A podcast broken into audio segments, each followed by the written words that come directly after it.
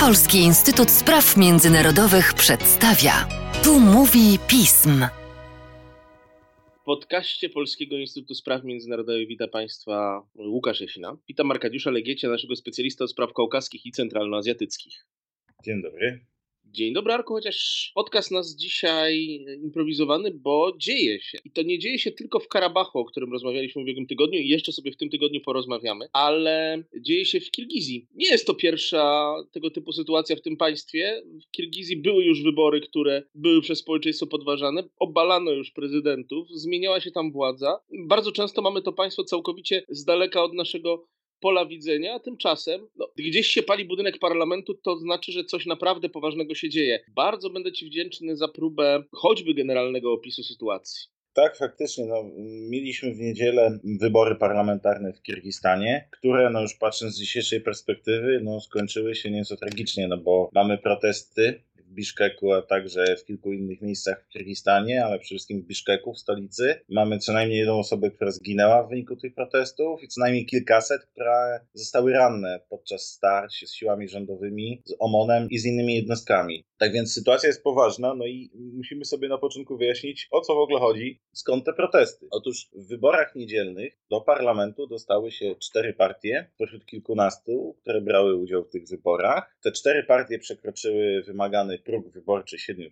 no i dostały się do parlamentu. Problem w tym, pierwszy, że co najmniej 3 na 4 partie, które wyszły do parlamentu, albo bezpośrednio należą do rządzącego obozu władzy w Kirgistanie, albo są z nim bardzo, bardzo silnie związane, są tak zwanymi partiami koncesjonowanymi, więc teoretycznie są odrębnymi podmiotami politycznymi, ale faktycznie no, spełniają rolę wsparcia tego głównego ośrodka władzy w Kirgistanie. Oprócz nich dostała się jedna partia, taka skrajnie prawicowa, jeżeli moglibyśmy ją w ten sposób scharakteryzować, która no, do tego obozu władzy nie należy, ale ona też tutaj odegra swoją rolę, o czym zaraz powiemy. Nieprzypadkowo mówimy o jej profilu światopoglądowym. Sam fakt, że środowiska opozycyjne w tych wyborach nie udało im się wejść do parlamentu, ponieważ no, kilkanaście partii po prostu znalazło się pod progiem 7% i, i nie uzyskało mandatów, nie wzięło udziału w podziale mandatów w parlamencie. Sam to oczywiście jest powodem pewnego zburzenia społecznego. Ale to się bezpośrednio wiąże z drugą kwestią, a więc ze wszystkimi nieprawidłowościami wyborczymi, jakie miały miejsce podczas tych wyborów. My bardzo często mówimy o Kirgistanie, że jest to taka perełka demokracji w Azji Centralnej, że jest to kraj, który faktycznie najlepiej sobie radzi na tym polu jakichś demokratycznych reform, a przynajmniej utrzymania tego demokratycznego systemu. Przed rokiem mieliśmy sytuację, że wówczas rządzący prezydent Atambajew dobrowolnie, kiedy skończyła mu się kadencja, to zrezygnował z pełnienia urzędu, przekazał jakby kompetencje kolejnym, więc jakby to były te przykłady, że no Kirgistan może ma swoje problemy, może jest biednym, może jest małym, słabym państwem, ale jednak w tych kwestiach demokratycznych radzą sobie dobrze. Aczkolwiek przy okazji każdych wyborów w Kirgistanie, czy to prezydenckich, czy, czy parlamentarnych, czy, czy lokalnych, zawsze jest problem pewnych niedociągnięć wyborczych, pewnych nieprawidłowości, które też jakby są obecne w innych krajach regionu, aczkolwiek no, w Kirgistanie często o nich zapominamy, no bo, no bo mówimy, że to jest ta, ta perełka demokracji. A one tam są. E, czym konkretnie są te nieprawidłowości? No, przy okupowaniu głosów, o tym, że jest to mechanizm powszechnie stosowany w zasadzie przez wszystkie partie polityczne, a także przez samych wyborców jest traktowany jako pewien mechanizm partycypowania we władzy. No, bardzo często możemy spotkać się z podejściem, że, że ci politycy, ci rządzący w Biszkeku, i oni, oni na co dzień nas okradają, oni na co dzień na nas żerują i nas wyzyskują, więc przy okazji wyborów my jako obywatele przynajmniej mamy możliwość tego, że przychodzimy do nich, mamy im coś do zaoferowania, bo mamy swój głos i oni w ramach tego wtedy wówczas dzielą się z nami z tym bogactwem. I prawda, i zawsze jest jakaś giełda w poszczególnych regionach, w skali krajowej, po ile chodzi głos. Są zawsze jakieś granice ustalane przez partie partycypujące, że no, pewnego poziomu nie przekraczamy. No, tylko z oczywistych względów, jeżeli proces demokratyczny opiera się na możliwościach finansowych, a nie na programie politycznym, nie na charyzmie jego liderów itd., tak itd., tak tylko przede wszystkim na tym aspekcie finansowym, no to, to też ma swoje konsekwencje, no bo to nie jest tak, że każda partia dostaje taki sam worek pieniędzy przed wyborami. To już nie jest element procesu wyborczego, to już nie jest element procesu demokratycznego. To, jak partie zarządzają swoimi finansami, już jest oddzielną kwestią. A, a, a, w związku z tym każda partia nie ma tym samym równych możliwości wyborczych, no bo nie każda partia ma tyle samo pieniędzy. No i to jest właśnie powodem tych protestów, jakie, jakie mają miejsce obecnie. Partie, które weszły do parlamentu, zdecydowanie są partiami powiązanymi z władzą. Ich politycy obsadzają nie tylko stanowiska w Biszkeku, ale także w administracjach lokalnych. Samo partycypowanie przez partię polityczną we władzy, jak wiemy, daje też y, szeroki dostęp do stanowisk niepolitycznych, ale, ale do, do zarządzania państwem, do obsadzania strategicznych spółek y, na, na szczeblu centralnym i lokalnym. To wszystko powoduje, że po prostu partie będące bliżej z władzą mają więcej do zaoferowania wyborcom, może nawet powiedzmy wprost, mają więcej argumentów, żeby kupić wyborców, niż partie, które dopiero do tego uzyskania władzy dążą. No i to też się stało, że partie, które miały więcej pieniążków, ponieważ są związane z władzą, no, no, no, no wygrały te wybory, tak? No bo no, ciężko mówić w takiej sytuacji o równych szansach. A jeżeli do tego jeszcze dorzucimy szereg nieprawidłowości związanych z liczeniem głosów y, i z napięciami na tym polu, no to to nam rodzi sytuację, jaka ma tam miejsce po wyborach, czyli że po prostu ludzie wychodzą na, na ulicę i, i kontestują wynik wyborczy. W różnych państwach kontestacja wyborcza ma, ma jakby różny charakter. W Kirgistanie ona zawsze miała charakter no, skrajny, tak? Od wycieczek klanów południowych na koniach, które rozpędzały parlament, do po prostu wystąpień ludzi na ulicę i również zdobywania budynków rządowych, starć z policją, z OMON-em i jakby manifestowania swojego niezadowolenia siłą. Bo tutaj też no, trzeba powiedzieć, że i, i rządzący przy pacyfikacji protestów stosują siłę, ale również protestujący przy, przy samym protestowaniu no również pacyfistyczni najprawdopodobniej nie są. Do tego dochodzi czynnik słabości państwa, a więc przedostatnia rzecz, jaka kształtuje nam ten krajobraz wyborczy w Kirgistanie. Rok temu, w sierpniu, mieliśmy do czynienia z sytuacją, kiedy były prezydent Kirgistanu, Almazbek Atambajew, do którego jeszcze wrócimy dzisiaj, nie chciał oddać się w ręce władz, które chciały go osądzać za, w związku z zarzutami korupcyjnymi w czasie, kiedy on pełnił urząd. W związku z czym zabarykadował się w swojej willi pod Biszkekiem, no i tam jakby oczekiwał na, na szturm policji kirgiskiej, która miała go siłą zabrać.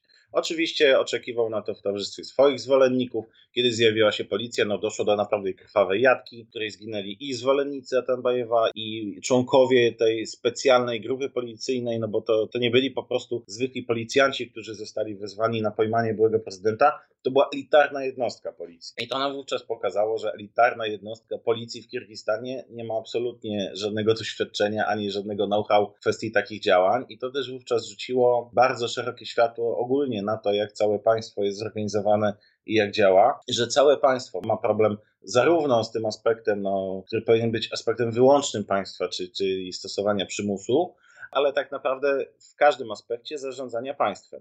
To się jeszcze bardziej ujawniło w trakcie trwającej pandemii koronawirusa, gdzie no, Kirgistan w regionie nie zaliczał się do państw, które na siłę zaprzeczały obecności wirusa, ale no jednak miał bardzo poważne problemy z opanowaniem tej epidemii, ma je w zasadzie do dzisiaj, i miał bardzo poważne problemy z wszelkimi planami antykryzysowymi, mającymi odpowiadać na skutki epidemii. To wszystko spowodowało, z jednej strony, że podłoże do tego typu protestów, jakie mamy dzisiaj, jeszcze raz wzrosło, no bo po pierwsze ludzie są niezadowoleni, a po drugie ludzie mają świadomość, że jak się temu państwu przeciwstawią, to ono jest słabe i ma bardzo ograniczone instrumenty, żeby na sprzeciw obywatelski, na obywatelskie nieposłuszeństwo, a nawet z użyciem, że tak powiem, aktywnym przemocy przez obywateli, no państwo ma słabe możliwości, żeby na to odpowiedzieć.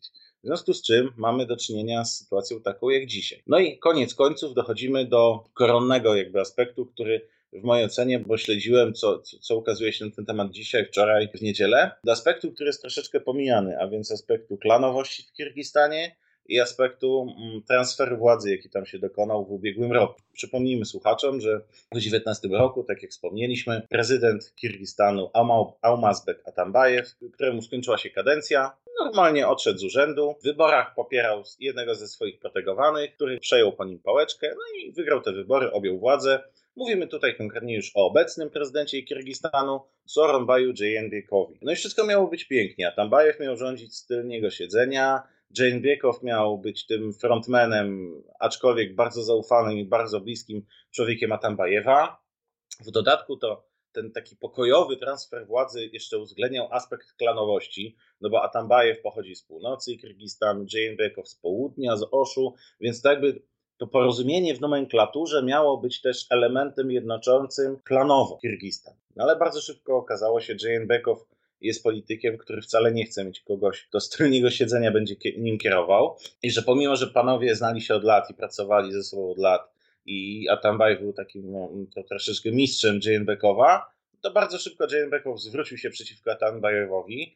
Konflikt osobisty panów eskalował do poziomu politycznego, a także w związku z tym, że jeden jest z północy, a drugi jest z południa, zaczął mieć coraz bardziej wyraźny aspekt tej właśnie klanowości, no bo w naturalny sposób część kraju opowiada się za jednym, część kraju opowiada się za drugim. Nie wchodząc już w szczegóły, na ten moment były prezydent Atambajew był więziony jeszcze do wczoraj w areszcie śledczym w Komitecie Bezpieczeństwa, czekając na swój proces o zarzuty korupcyjne. No jak wiemy, no, w kraju, gdzie, gdzie cała nomenklatura jest zaangażowana w pewne procedery korupcyjne, no to najłatwiej jest kogoś oskarżyć o korupcję, no bo wiadomo, że wszyscy to robią, tak, tylko komuś nagle wytoczymy oficjalne zarzuty i tak się stało w, w przypadku Atambajewa. Aczkolwiek też zaznaczam, że był więziony do wczoraj, ponieważ manifestanci, którzy na początku zajęli centralny plac w Biszkeku, a później zaczęli już aktywnie zajmować kolejne budynki rządowe, prezydenckie, parlament, no w pewnym momencie zajęły Komitet Bezpieczeństwa Państwowego, więc to też jest dla nas jakiś tam obrazek, który możemy sobie wyobrazić. No, no nie wiem, no wyobraźmy sobie, że w Warszawie manifestanci zajmują siedzibę Agencji Bezpieczeństwa Wewnętrznego. No, to jest mniej więcej ta skala wydarzeń i uwalniają więźniów politycznych. Tak? Nie ma, ale no, uwalniają kogoś, kto tam jest przetrzymywany. No, absolutnie skala niespotykana tak naprawdę w żadnym innym kraju. A Tambajew został uwolniony, no ale to też właśnie pokazuje, że tych wyborach doszło do faworyzacji klanów z południa. Partie, które weszły do parlamentu, w zdecydowanej większości reprezentowały interesy nomenklatury z tej południowej części kraju, a ta północna część kraju, która dotychczas była tą dominującą w Kirgistanie, tą związaną z Atambajewem, a teraz poniekąd zdyskryminowaną lekko przez to, że pozycja Atambajewa w państwie upadła i zdecydowanie się zmieniła, no to spowodowało, że doszedł kolejny element napięcia, na które moim zdaniem za mało zwracamy uwagę, no bo po prostu w tym kraju zawsze rywalizacja północy z południem i jakby równoważenie wpływów jednego i drugiego regionu no było kluczem do stabilności. Tej stabilności tak naprawdę nigdy w Kirgistanie nie dało się osiągnąć bo też już na koniec przypomnę, że to nie jest tak, że to są pierwsze tego typu protesty w historii niepodległego Kirgistanu. No, w 2010 roku mieliśmy również bardzo poważne protesty w związku z wyborami, gdzie na to się jeszcze nałożyły starcia etniczne między Kirgizami i Uzbekami. W 2005 roku mieliśmy tak zwaną rewolucję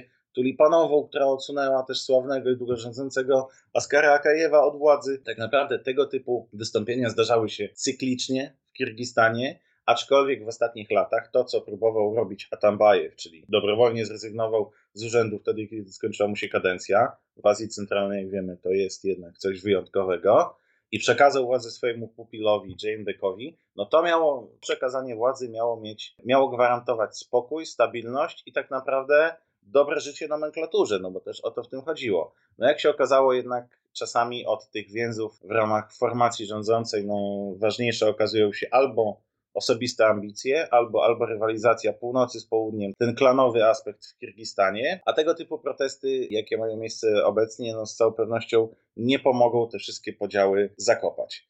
Na pewno jest to jeszcze też ważny jakby sygnał dla państw w regionie. Ja też przypomnę, że w najbliższy weekend są wybory prezydenckie w Tadżykistanie. Tam tym bardziej nie spodziewamy się jakichś niespodzianek wyborczych. Aczkolwiek fakt, że rok temu Atambajew w Kirgistanie chciał pokojowo przekazać władzę i to zrobił. Miał mieć gwarantowane bezpieczeństwo, a później no, stało się to, co się stało, że wylądował w areszcie i rozpoczął się proces wobec niego. No jest sygnałem dla, dla polityków jak Rahmon w Tadżykistanie, jak Berdi Mohamedow w Turkmenistanie, jak dla innych niedemokratycznych przywódców w tej części świata, mówiący o tym, że transfer władzy, sukcesja władzy dobrowolna, jeszcze za życia, jest bardzo dużym ryzykiem, za który można zapłacić wolnością, może nawet życiem i który trzeba bardzo dobrze przygotować. Może na wzór Kazachstanu, ale tam też, jak wiemy, dynamika tego procesu jest bardzo, bardzo zawiła, aczkolwiek no zdecydowanie bardziej stabilna niż w Kirgistanie, który no w tym aspekcie może być no pewnym takim straszakiem dla innych przywódców w regionie. Co będziemy jeszcze obserwowali. A Tobie, Arku, na razie bardzo mocno dziękuję i zapraszam Państwa na kolejny podcast Herka już w tym tygodniu. Wrócimy na chwilę do Karabachu. Dzięki.